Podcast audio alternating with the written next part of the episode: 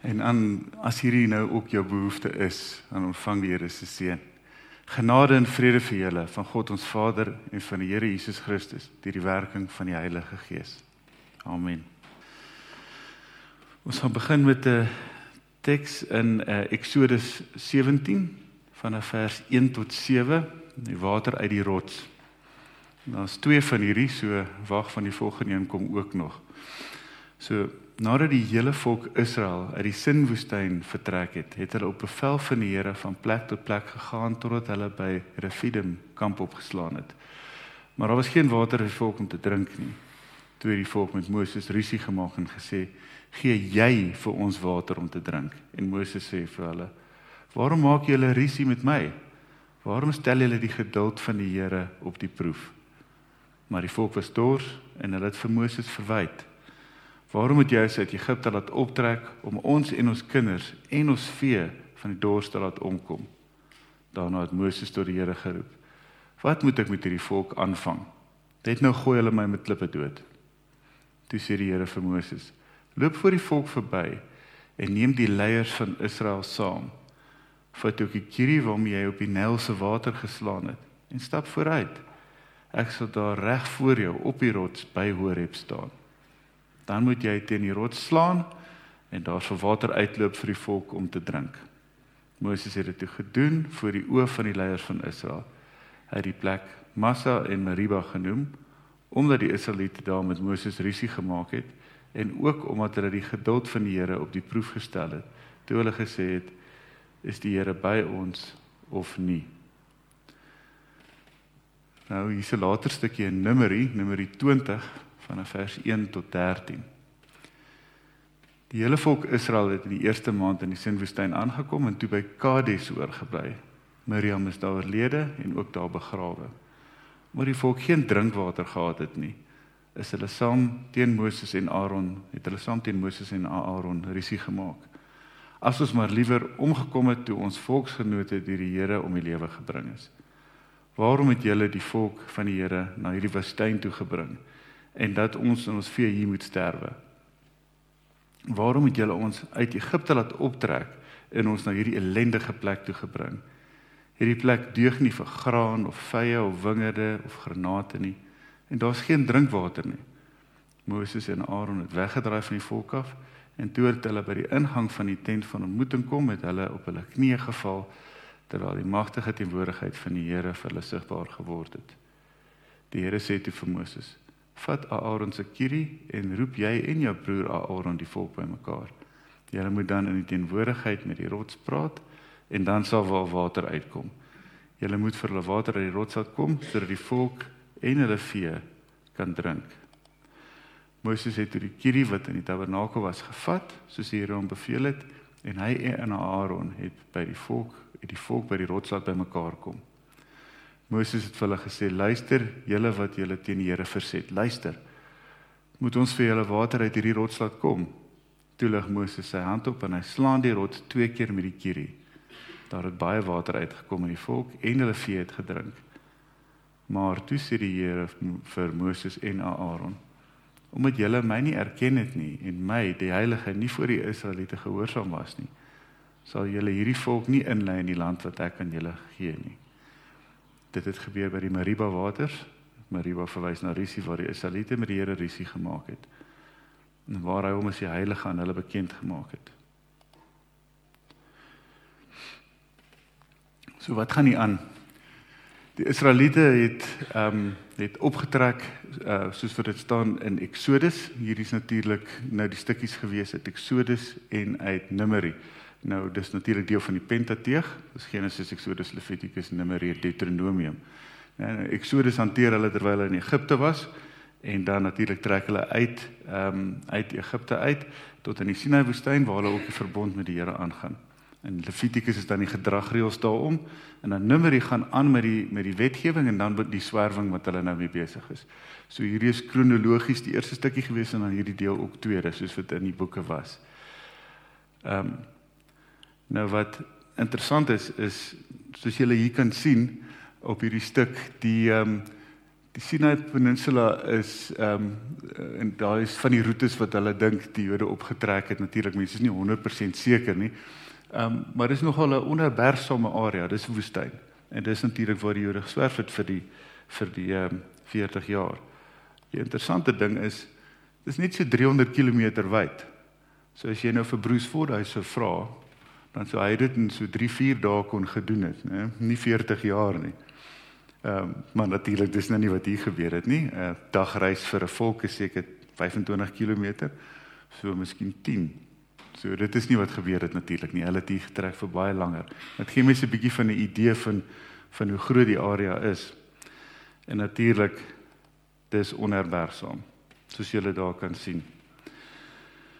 So hulle hulle swerf in hierdie woestyn, maar hulle is beloof dat hulle na hierdie beloofde land toe gaan gaan. Die Here het vir jou 'n visie, ja, jy gaan by 'n plek uitkom Ehm um, en uh, natuurlik die volk wil nou daar uitkom, né? Hulle is hulle is haastig want dit is mos nou wat vir hulle gesê is. Ons gaan soheen toe gaan.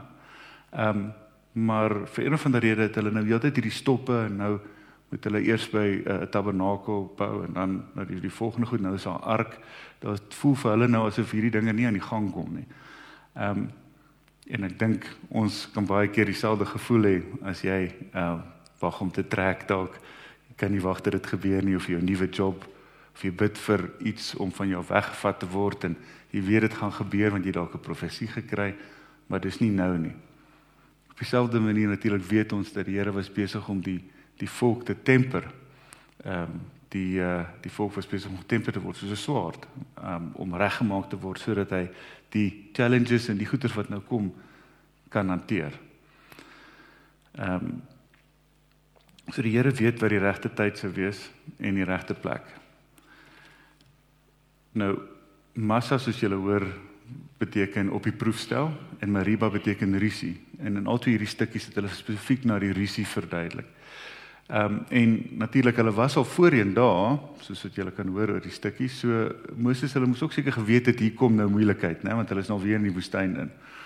En natuurlik kom al hierdie hierdie mense na hulle toe en hulle begin kla. Nou ehm um, ek uh, dit herinner my aan ons unie vergaderings wat ons gehad het met met Noosa en my ehm um, my vorige werk waar die mense kla en is verskriklik en jy's nie besig om 'n goeie job te doen nie. Jy kyk my vee is besig om te vrek, my kinders vir my vir my verlaat. Ek ehm um, jy weet dit gaan terrible met ons hierso. Ehm um, ek verhonger en dan die beste een vir my hierdie plek deug nie vir vye, wingerde of granate nie. Nee, maar dis 'n redelike obvious stelling, nee, jy's in die woestyn. Ek is nie seker hoekom hulle hoekom hulle dit nou sou opbring nie, maar um, jy kan hoor is nou 'n moeilike gesprek. En in albei gevalle van hierdie stukkies doen Moses en Aaron die regte ding. Hulle draai na die Here toe. Hulle word nie kwaad nie, hulle hulle ooreageer nie, hulle hulle maak nie aantuigings terug nie. Hulle hulle hulle besluit ook en hulle gaan met die Here praat. En die Here wys hulle in albei kere wonderbaarlik hoe om die volk te verlos en dat daar water sal wees sodat hulle vee kan drink sodat hulle ehm um, die Here se genade en se vrede kan ervaar. Maar daar's 'n groot verskil tussen die eerste en die tweede stukkie. In die eerste stukkie is Moses getrou en volg die Here se woord tot die letter. Die Here sê vir hom dis wat jy moet doen en hy doen dit presies net so. In die tweede stukkie maak hulle 'n groot fout en dit is Ek dink dit is baie duidelik geweest. Was 'n bietjie showboating geweest, né? Soos hulle in Engels sê hubris. Ehm um, hulle is ongehoorsaam. Hy volg nie die Here se instruksies nie. Hy slaan die rots. Hy en sy broer praat nie of hy en Aaron praat nie met die rots nie. Ehm um, hulle wys ook nie nederigheid nie. Hulle maak dit 'n spektakel. Ek bedoel die woorde is luister, moet ons vir hulle water uit hierdie rots laat kom. Voel amper soos 'n game show host wat besig is om te sê, "Wil julle water hê? Kyk, kyk, kyk, ek gaan na die rots slaan." Ek bedoel dis dis nie dis nie wat die Here wil hê hulle moet doen nie. Dis nie die opdrag gewees nie. Nou natuurlik ons weet dit sê in Jakobus 4 vers 6, né? Die genade wat die Here gee is groter, maar hy sê God weerstaan die hoogmoediges en aan die nederiges gee hy genade. So die straf vir hierdie aksie is nogal is nogal ernstig, né? Uh, beide Moses en Aaron mag nie in die beloofde land ingaan nie. So Hulle het nou die hulle het nou deur hierdie verskriklike ding in Egipte gegaan waar hulle die volk nou uiteindelik weggekry het van die van uh van die farao af. Hulle is deur die hulle is deur die Nyl, deur die groter vure en alles en hulle is uiteindelik nou op die op die plek waar hulle nou hard werk en seker 'n paar jaar al in die woestyn trek. So hulle sien seker uit na hierdie tyd wat hulle nou in die beloofde land kan ingaan. En nou sê die Here vir mm, nee, nee, jy jy gaan nie daarin gaan nie. Hierdie hierdie wat jy nou gedoen het is is 'n groot probleem. Dit moet nogal hartseer wees om nie die vrugte van van al daai aksies en alles wat jy hard aan gewerk het te kan klaar sien gebeur nie. Dit dit moet so dit moet moeilik wees. Ehm um, natuurlik verbeur Moses en Aaron nie die kans om gered te word nie, né? Die Here gebruik hulle verder. Ons lees verder van hulle waar uh, waar die Here hulle kragtig gebruik. Maar hulle moet leef met die gevolge van hulle dade. So die Here is hulle genadig. Dis 'n goeie ding, wonderlik. Ons weet baie van Moses. Hulle sê Moses het ehm um, so naby aan die Here, was so naby die Here gewees dat hy met hom gepraat het soos 'n vriend. Ehm um, en en sy vorige reaksies was hy natuurlik altyd opreg. Hy het altyd die Here se so so bepalinge gevolg tot die letter. Dis nou hier wat hy nou miskien so 'n bietjie oor die lyn getrap het, maar dit het maar gevolge. Ons maak baie keer die fout om te dink vergifnis is absoluut, né? Oef, dis 'n groot fout wat nou gemaak is, maar ek gaan bid vir vergifnis en dan sit nou alles klaar. Dis is gefiks. Ja, die Here vergewe ons ons sondes, né? En daar's genade en vrede wat saam met dit kom.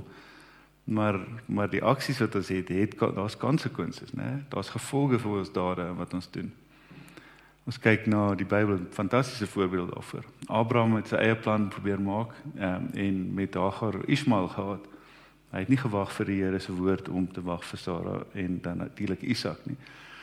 Uh op dieselfde manier het Dawid en Batseba maar egbreek gepleeg en die eerste kind het het uh, natuurlik dood gegaan. Ekskuus, ek wil klaar praat oor Ismael. Ismael is natuurlik die die die begin van die volk van die Mohammedane, né? En dis natuurlik waar ons steeds baie konflik is.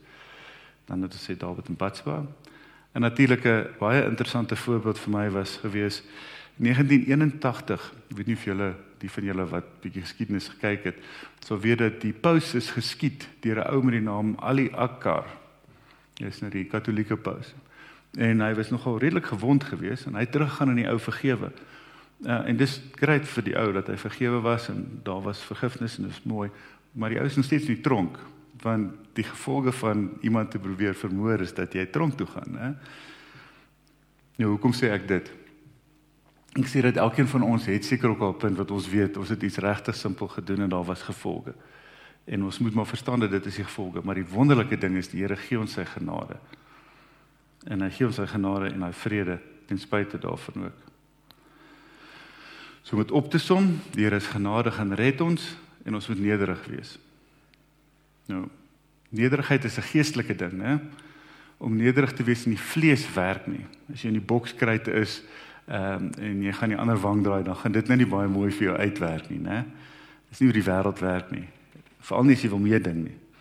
Uh jy het seker al hierdie ding ook gehoor wat uh, wat hulle sê vir it's not the size of the dog in the fight, it's the size of the fight in the dog. Ja. En uh die vlees raak opgewonde oor hierdie. Ek kon onthou as klein skoolkinders as jy die groot ouetjies gesien het en wie jy speel, het jy altyd gedink, "Oeg, ons gaan pak en dan die onderwyser nou vir jou suits gesê om jou nou weet op te bou en te sê dis oukei, okay, solank jy in jou fight het." En dis 'n dis nie 'n slegte ding nie maar dis uit die vlees uit, né? So hier's 'n wonderlike manier om jouself te verbeter en 'n mooi wonderlike maatstaf om te meet. Hoe makliker dit vir jou kom om nederig te wees, om weg te staan, om die ander wang te draai. Hoe verder weg staan jy van die vlees af. So ek neem natuurlik aan dat vrees jou nie vashou nie. Dit is baie belangrik om te sê, moenie weg staan omdat jy bang is nie. Dit moet nie die rede wees nie. Dan moet nog steeds daai kapasiteit in jou wees om op te staan. Dis reg. Maar vrees is nie van die koninkryk af nie. So as dit die drywer is, dan is daar ander, dan is daar 'n ander probleem. Nou, dis nou so oor nederigheid. Kom ons sê wat kom ons sien wat sê Paulus oor nederigheid. Ons gaan lees uit 2 Korintiërs 12 vanaf vers 1. Gesigte en openbarings. Om te roem het wel geen sin nie, maar terwyl dit jou dan terwyl dit dan nou moet kom ek by gesigte en openbarings wat die Here gegee het.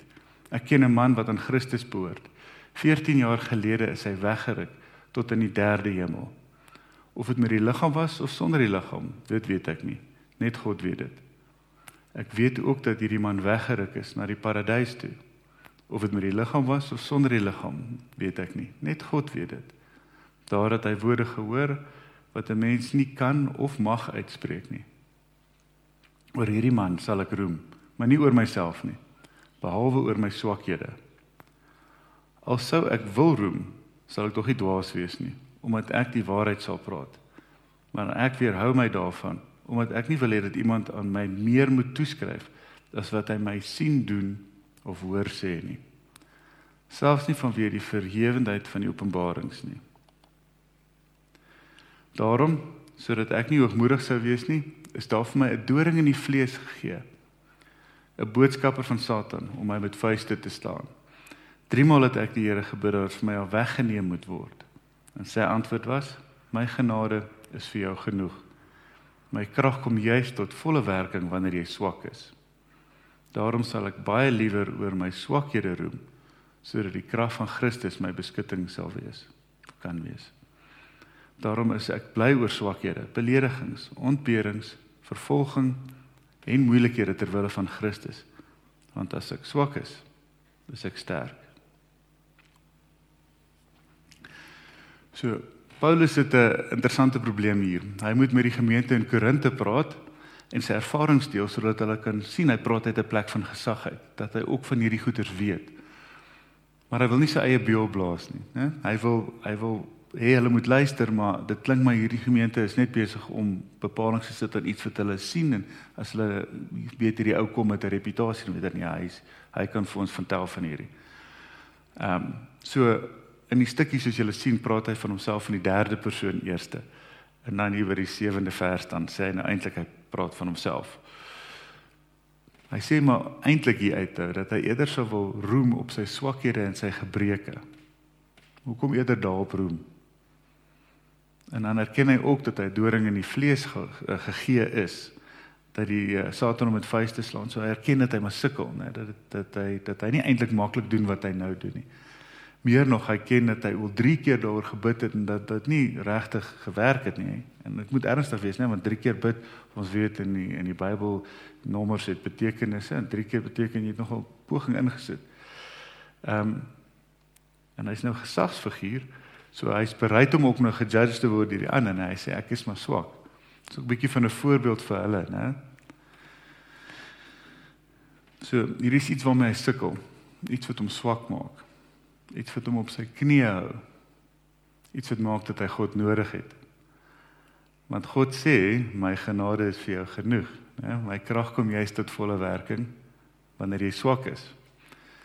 So hoeveel keer my broers en susters is die naaste wat ons aan God kom wanneer ons op ons swakste is. Wanneer ons weet dat ons opsies klaar is, dat ons nou in die moeilikheid is, dat ons iets stupid gedoen het. Né? Ek dink daai is die punt wat ehm um, mense altyd op wil kom nie, maar ehm um, dis soms wanneer ons hier naaste aan die Here is en dit is ook soms goed om om daai as 'n as 'n as 'n beginselpunt te gebruik oor waar ons wil staan. Ek dink iemand wat dit amper vir my die beste uitlig altyd is Dawid. Ehm um, ek weet soms klink dit vir my asof hy 'n bietjie kerm in sy boodskapies, maar maar hy is nog baie in die moeilikheid geweest, né? Hy het baie hy het baie ehm um, rusie gehad met ander en soms sy eie toe doen en en soms net omdat hy gedoen het wat die Here vir hom gesê het om te doen. Maar hy het 'n baie mooi voorbeeld vir ons gestel oor hoe om daai punte kry om naby aan die Here te kom. So ek wil vir julle lees uit Psalm 40 in die 83 vertaling. Vir die koorleier van Dawid. Ek het gesmag na die hulp van die Here. Hy het na my toe afgebuig en my hulp geroep gehoor. Hy het my uitgetrek uit die put van die dood, uit die slijmerige modder, om my op die rots laat staan, my weer op vaste grond laat loop. Hy het 'n nuwe lied in die mond gelê, 'n loflied vir ons God. Baie daarvan hoor baie sal van hom hoor en hom eer toe bring. Hulle sal op die Here vertrou. Dit gaan goed met die mense wat sy vertroue in die Here stel en hom nie wend tot duister magte en mense wat hulle met skyngode ophou nie. Here my God, U het baie wonderlike dinge gedoen. U dink altyd aan ons. Daar is niemand soos U nie. Ek sou daarvan wou vertel en daaroor praat, maar dit is te veel om op te noem. Dit is nie diereoffers of graanoffers wat U wil hê nie. Nie brandoffers of sondeoffers wat U vra nie. U wil gehoorsaamheid hê. Daarom het ek gesê hier het ek gekom soos dit in my boeke in die boekrol geskryf is om u wil te doen my God is my een begeerte. U woord is my hele lewe. Met blydskap het ek dit aan die gemeente vertel. U het my verlos. Ek het nie stil gebly in die Here. U weet dit dat u verlos het ek nie vir myself gehou nie. Ek het gepraat oor die trou en die hulp, oor die goedheid en die trou het ek in die gemeente nie stil gebly nie. So hier is nog of my is my baie mooi en dit wat vir my nou uitstaan nie, wil ek met julle deel daar. So hy begin nie my begin die stukkie waar hy sê ek smag na God, né? So hy nader tot God in gebed en spandeer tyd met hom. Hy probeer die Here ken, hy probeer luister as die Here met ons op praat, né? En dan sal God jou red en dis 'n pragtige beeld vir my daai afpik is amper soos 'n pa wat sy wat sy kind optel en Abba. God sê dan opbou en 'n lied in jou mond sit, jy kan loof en prys vertrou in die Here en hy sê dan voorspoedig maak. Dat jy gehoorsaam wees en die Here se wil doen. En dan verander vertel van die wonderlike dinge wat met ons gebeur het sodat hulle ook kan deel daarin. En hoekom dit vir my spesifiek ook uitstaan is as mens kyk na Jesus se lewe, is dit nogal iets wat hy gedoen het, né? As jy na daai goeters kyk. Ehm um, Ek kan nie 'n beter voorbeeld dink eintlik nie, né? Hy was op die aarde met die vermoë om enige probleem self op te los, né? Hy het hy hy die mag gehad. Hy was hy was God with us, né? Uh, hy kon heersers en konings beveel gee eintlik. Maar wat doen hy? Hy sag van hart, né? Sagmoedig in Engels sê hulle meek. Ehm um, hy het gereeld gebid. Hy het gereeld vir die Here se wil gevra. Selfs soos in uh, Matteus 26 vers 42 in Getsemane nie sy eie wil nie. Uh meer as dit. Hy was ook altyd gehoorsaam. Al het hy geweet wat dit hom sou kos, soos in Getsemane, waar hy gevra dat die lydensbeker by hom sou moes verbygaan of dit nie kan by hom verbygaan nie. Dan nog meer, ehm um, hy was sy disippels se voete, soos in Johannes 13 vers 5, as 'n servant leader. Hy dien en leer ander en vertel hulle hoe goed God is, Mense het van heinde en verre gekom om te hoor hoe hy praat en hulle leer van die Bybel. Hulle leer om regtig op te tree. Om te weet hoe die Here wil hê ons moet wees. En hy bly op sy knieë en hy bly naby aan die Here. So wat vir my hier uitstaan is Here het hierdie krag gehad, maar hy het nie gebruik nie. Hoekom nie sodat hy nader aan die Here kan wees want dis waar genade is. En sy genade is vir ons genoeg soos Jesus wat almagtig was, dit nie gedoen het nie. Hoeveel te meer kan ons dit nie ook doen nie? Hoeveel te meer moet ons nie op ons eie krag staat maak nie? Soos uh, Jesus se geval ek sê kon homself gered het en hy het die hy die hy die Here se pad gekies. In Matteus 5 sê Jesus: "Geseënd is die sagmoediges, want hulle sal 'n nuwe aarde ontvang." Mag julle broers en susters op die plek wees waar sag van hart is ons op ons knieë en sal by hom kom. Dis my gebed vir julle dat ons op daai plek kan wees.